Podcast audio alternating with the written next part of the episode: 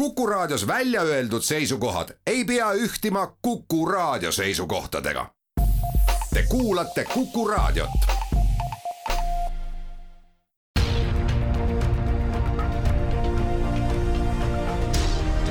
uue samba taga. sammaste taha aitab vaadata sajaaastane eestikeelne rahvusülikool. tere täna räägime sellest, kas Pullikülas elasid, olid pullid, kas Lammasmäel peeti lambaid, ehk me võtame kõneks karjakasvatuse, kuid läbi arheoloogi pilgu. sellepärast, et kaasprofessor Eve Rannamäe just zooarheoloogiaga tegeleb ja mis siis on maa seast välja tulnud, milliste järeldusteni ta on jõudnud ja milline on see laiem plaan ja mis projektid on ühele poole saanud, selle kohe jutuks võtame. küsija on Madis Ligi. mis te olete siis leidnud, mis on sedavõrd huvitav, et olete selle temaatikale nüüd äh, pühendunud suisa? karjakasvatuse uurimise puhul on niimoodi, et et keda siin kasvatati, palju neid oli, millal nad siia Eestisse tekkisid, et ega ma ise kaevamas neid loomi välja ei ole käinud minu kaevamised toimuvad tavaliselt äh, luuhoidlates ja sealt äh, karpidest leian äh, omale siis teadustööks huvitava materjali. Aga neid leide on palju, leide on huvitavaid, aga võib-olla sellist päris konkreetset, ühte konkreetset leidu ei oskagi praegu öelda, et pigem on see, mis kõik see teadmine kokku annab. see uurimismaterjal koguneb äh, üle meie esivanemate toidulaua, mitte niivõrd oleks siis loomaluustikke või luid välja tulnud ja selle pealt saab hakata juba analüüse tegema, teavet koguma? jah, just, loomaluumaterjal on selline arheoloogiline materjal, et seda tuleb välja praktiliselt iga kord, kui nii-öelda labidas maasse lüüa et seda on palju ja täpselt loomaluud on tavaliselt toidu- ja köögijäätmed. et äh, eriti siin linnades, olgu see siis Tartu või Tallinn, Haapsalu, Narva või Rakvere, praegusel ajal väga palju on ju päästekaevamisi ja igal pool, kus kopp töötab, sealt tuleb ka loomaluid välja. see, et need loomaluud on toidu- ja köögijäätmed, tähendab seda, et see materjal on ka fragmenteerunud, ehk siis need on noh, luude fragmendid, luudetükid, et loomulikult on ka terveid, aga jah, me ei saa rääkida tervetest matustest loomade puhul. et terveid matuseid on ka Eestis leitud, aga väga vähe ja tihtipeale on need pigem noh, koerad-kassid kusagile hinge heitnud ja, ja, ja maha jäänud ja terved matused on võib-olla ka nüüd päris võib-olla saja, kahesaja aasta vanused hobused teinekord tulevad välja. hukka saanud loome, ehk siis talumees on, on maha matnud kui kaugele ulatub Eestis see karakasvatus, keda siis meil kõige esmalt pidama hakati? kõige esimesed tõendid on meil neoliitikumist ehk siis sealt kiviaja lõpuosast. Laias laastus ütleme viis tuhat aastat tagasi, natuke vähem kui viis tuhat aastat tagasi, ehk siis päris ammu. ja need esimesed tõendid, see siis tähendab seda, et päris, päris esimesed, teadaolevalt esimesed kariloomad nagu koduveis, lammas ja kits kumb, kas lammas või kits, on nüüd omaette küsimus, see on omaette arutelu, äh, nende kahe looma eristamine, sest nad on lihtsalt väga, väga sarnased.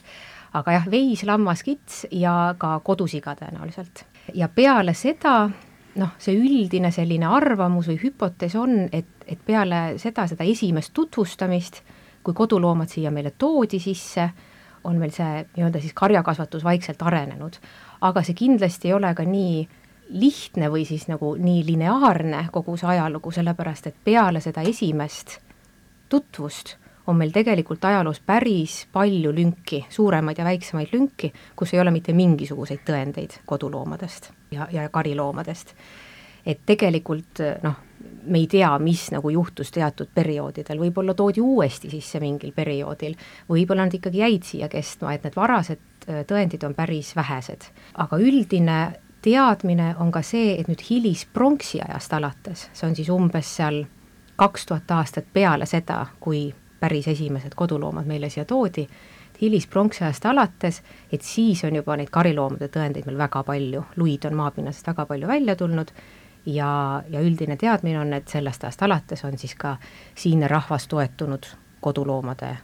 produktidele. aga milline on üldine teadmine siis selle kohta, et äh, kust need loomad tulid, kas maad pidi või üle mere? see on hea küsimus, seda ei ole me sellise pilguga isegi proovinud sellele küsimusele vastata, sest meil on lihtsalt nii vähe tõendeid. aga pigem ikkagi maad pidi, sest kui me mõtleme nüüd seda suunda, kust nad tulid, et nad tulid sealt äh, ida, kagu poolt, et siis ikka maad pidi, aga noh, loomulikult kas kasutati ka jõgesid või, või mingeid veeteid, see on omaette küsimus. aga mitte üle Läänemere ilmselt? praegu selleks tõendeid ei ole, kuigi eks see Läänemere piirkond, Eesti, Soome, Rootsi, noh, kogu see piirkond siin ümberkaudu, ka Põhja-Saksamaa ja nii edasi, et seda äh, liikumist ja kaubavahetust on siin kindlasti olnud, nii et noh, ei ole välistatud, aga konkreetseid tõendeid ei ole. aga kindel võib olla selles, et äh, need loomad toodi selleks, et neid pidada, et neid toiduks kasutada, mitte mingil muul eesmärgil? jah, ma olen selles üsna veendunud, et kas nendel loomadel võis alguses olla ka mingisugune suurem selline rituaalne või mingisugune vaimne või selline roll inimeste jaoks, eks see on jälle omaette küsimus, sellepärast et ikka ju varasemates äh, matustes inimesed, inimestel on kaasa pandud noh, küll hammasripatseid ja küll seal mõni lambakints võib-olla ja ka terveid loomi tegelikult, kui mitte siin meie Eesti aladel, siis, siis lõuna pool kindlasti või, või Skandinaavias, et, et see loomade rolli küsimus, et neid on olnud kindlasti erinevaid, aga jah, toodi ikkagi liha ja nagu toidu jaoks põhimõtteliselt on üks liin ju veel võimalik, äh, kuidas äh, loomad siia said, äh, nimelt et meie esivanemad kodustasid ära metsloomad. jah, seda, seda küll, aga nüüd meie alade kohta jällegi neid tõendeid meil ei ole selleks ajaks, kui meile, meil on nüüd need esimesed koduloomade tõendid siit Eestist selleks ajaks olid meil teadaolevalt juba tarvad läinud ja tarvad on ju teadupärast koduveise esivanemad. samuti ei ole meil siin mitte kunagi elanud kitsede või lammaste esivanemaid, need on kõik pärit sealt, pigem sealt Edela-Aasiast ainuke loom, keda kunagi on ka mõeldud, et äkki võidi koha peal kodustada või kuidagi taltsutada, on nüüd metssiga. ja noh, metssiga iseenesest on ju selline loom, et ta tuleb üsna kergesti inimese ligi, äh, visata sinna metsa alla toidujäätmeid ja, ja küll nad tulevad ja, ja, ja harjuvad inimesega ära. aga ka selle kohta Äh, üldiselt praegu Euroopas selliseid kohalikke kodustamispaiku enam ei, ei arvata olevat, et ikkagi kodustati ühes kohas ja siis levisid äh, läänepoolsesse Euroopasse ja samamoodi ka Eestisse, et kohapealset kodustamist ka sea puhul siin ei ole. Kui ma sissejuhatuses viitasin siin Puljasulale ja Kunda lammasmäele, et mis on ilmselt ka loomapidamisega seotud, kas see on nii ja kas on Eestimaal veel sellised, mis on loomadega seotud ja loomapidamisega seotud kohanimed? no Pulli asulakoht ja Kunda lammasmäe, need on nüüd äh, palju varasemad asulakohad kui, kui see koduloomade periood. nii et Pullist on teada küll meil koduloom tegelikult küll, aga see on koer, mitte siis kariloom. ja Kunda lammasmäelt hetkel jään isegi vastuse võlgu, et et kas sealt on ka koeri, koeri leitud, aga kariloomi kindlasti mitte, nii et eks need nimed on, on muu, muu, muu infoga seotud kui kariloomadega.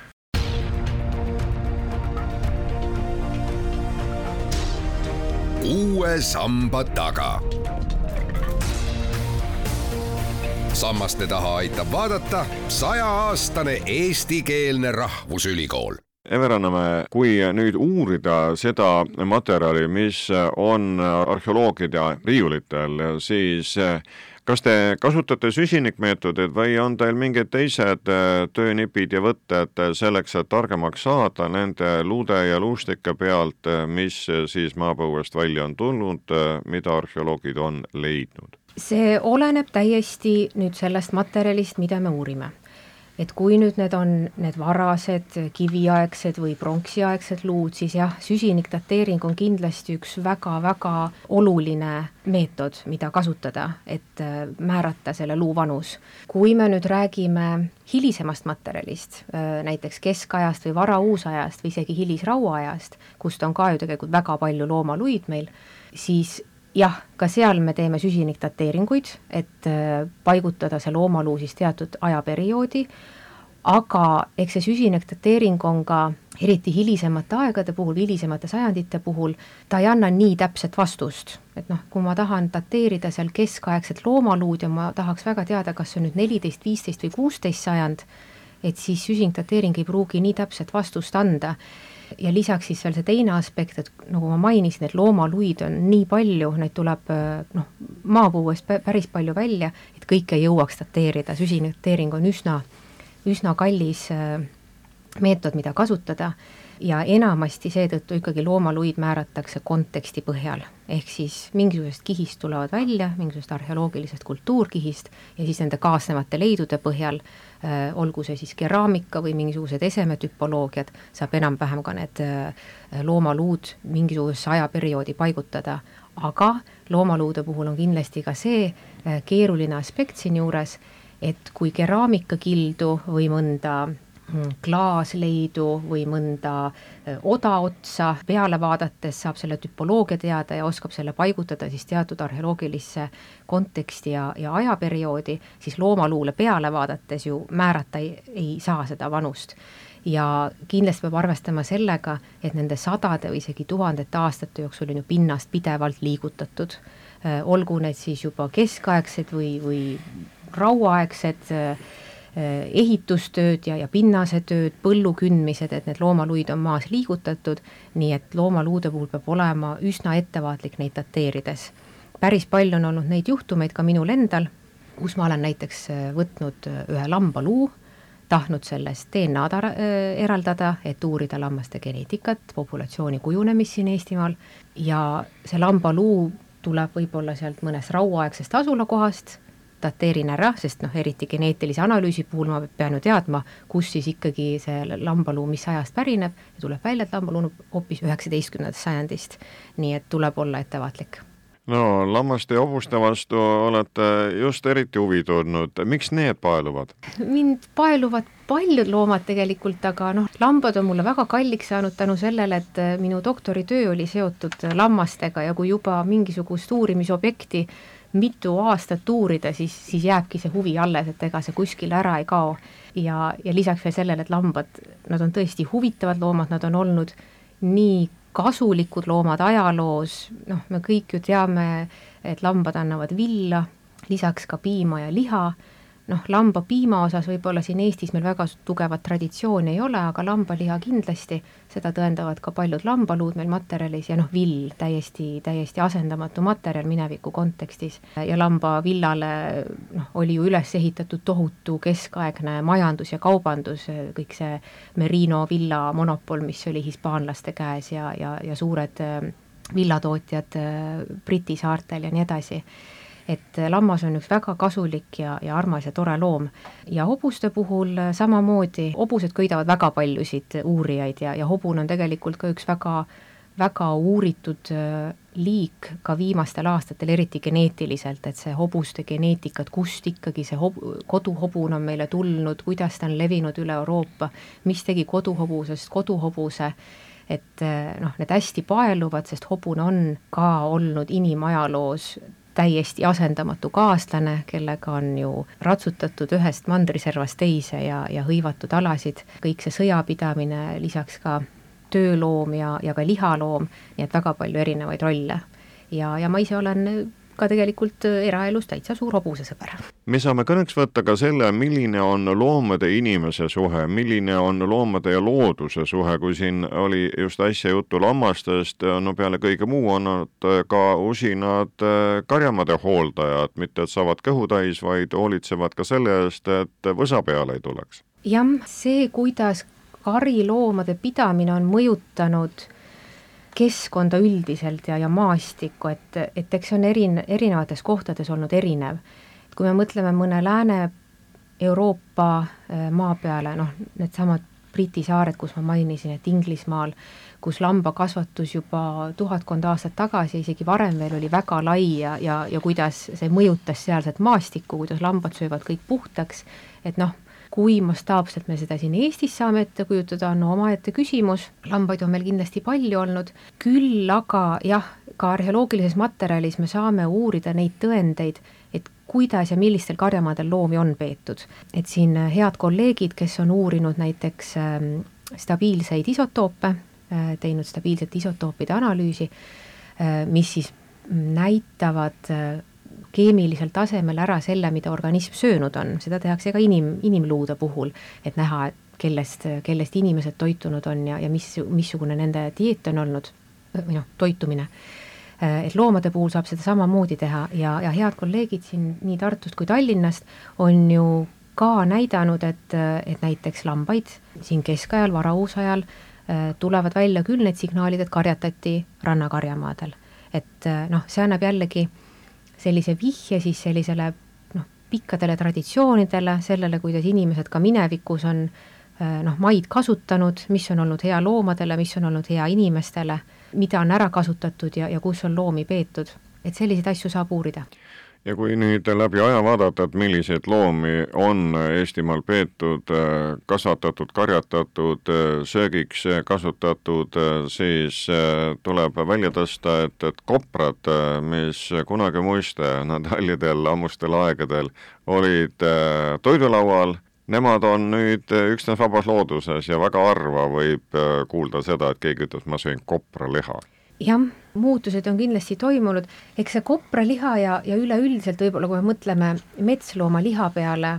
noh, selline suurem muutus äh, oli võib-olla siis üleminekul muinasajalt keskajale. Noh, keskajal toodi meile ju sisse ristius, kuigi noh, kontakt oli loomulikult ka juba varem, et väga palju muutus kolmeteistkümnendal sajandil peale neid äh, ristisõdasid ja siinsete uute inimeste sissetulemist, uue võimu sissetulemist. Ja metsloomad, kui nad nüüd muinasajal olid rohkem olnud siin kohalike inimeste laual, toidulaual, siis keskajal oli neid kindlasti vähem ja see oli täis tänu nendele erinevatele regu-, reguleeringutele ja reeglitele, et, et kes siis võib metsloomaliha süüa. ja noh, kobras oli ka, oli ka keskajal ju oluline äh, loom äh, paastu ajal et äh, nii-öelda tavalise looma, tavalise imetaja liha ei tohtinud süüa, aga kobras oli noh, niisugune poolkala, et, et see, see sobis hästi. aga arheoloogilises materjalis on näiteks kopraluid keskajast väga vähe. praegu, kui ma mõtlen, ainult võib-olla paar näidet tuleb meelde, et hästi-hästi vähe, et kus nad need luud kõik panid, seda ma ei tea, aga, aga söödi neid küll. aga kindlasti vähesel määral, et kui ma nüüd mõtlen sellele ühele lõppenud projektile, kus sai kokku võetud üsna suur luumaterjal, seal suurde tabelisse sai kokku peaaegu seitsekümmend tuhat luuleidu, et siis seal neid äh, metsloomi oli seal ma ei tea, viiesaja ringis, et, et noh, tõesti vähe, väga üksikud aga kokkuvõtvalt äh, võime rõõmustada selle üle, et tänu nendele materjalidele, mis siis arheoloogidel on kasutada, annab see võimaluse kirjutada natukene lahti ja kirjutada pikemalt lahti see meie esivanemate minevik, et kuidas siin on elatud, keda siin on peetud selleks, et ära elada, see on ajalugu. Jah, ja mis mulle endale väga meeldib ja millest ma proovin ka oma teadustöös lähtuda, on see, et, et see on ajalugu, aga see, me oleme ju jõudnud kuidagi siia, et see kõik on seotud. et jah, loomulikult praeguses modernses maailmas on meil kariloomakasvatus midagi hoopis teistsugust, kui oli isegi noh, ütleme sada aastat tagasi või, või ka vähem aega tagasi, aga need protsessid ja, ja teatud trendid ja mingisugused uuendused ja inimeste mõtted ja kõik need asjad, et need ulatuvad juuripidi ka kaugemasse minevikku. ja just see mulle meeldib, et et nagu otsida siis neid, neid tõendeid et millal siis on hakanud mingisugused teatud protsessid käima ja kui kaugele me saame neid tagasi viia. olgu siis selleks meie põlistõud, kelle kohta me ju tahame teada, et kui kaua nad siis on siin Eestimaa pinnal elanud, kui põlised nad on, kuidas nad on säilinud, sest noh, põlistõud on tõesti, peetakse väga oluliseks geneetiliseks ja kultuuriliseks ja väärtuseks praeguses ühiskonnas, mitte ainult Eestis, vaid ka, vaid ka igal pool mujal üle maailma. ja teine asi just, et need traditsioonid elama jääksid või ellu jääksid ja samas ka siis pakkuda seda infot inimestele just sellest kaugemast minevikust, et kust kõik need asjad pihta võisid hakata. aitäh teile, arheoloogia kaasprofessor Eve Rannamäe, küsija oli Madis Ligi.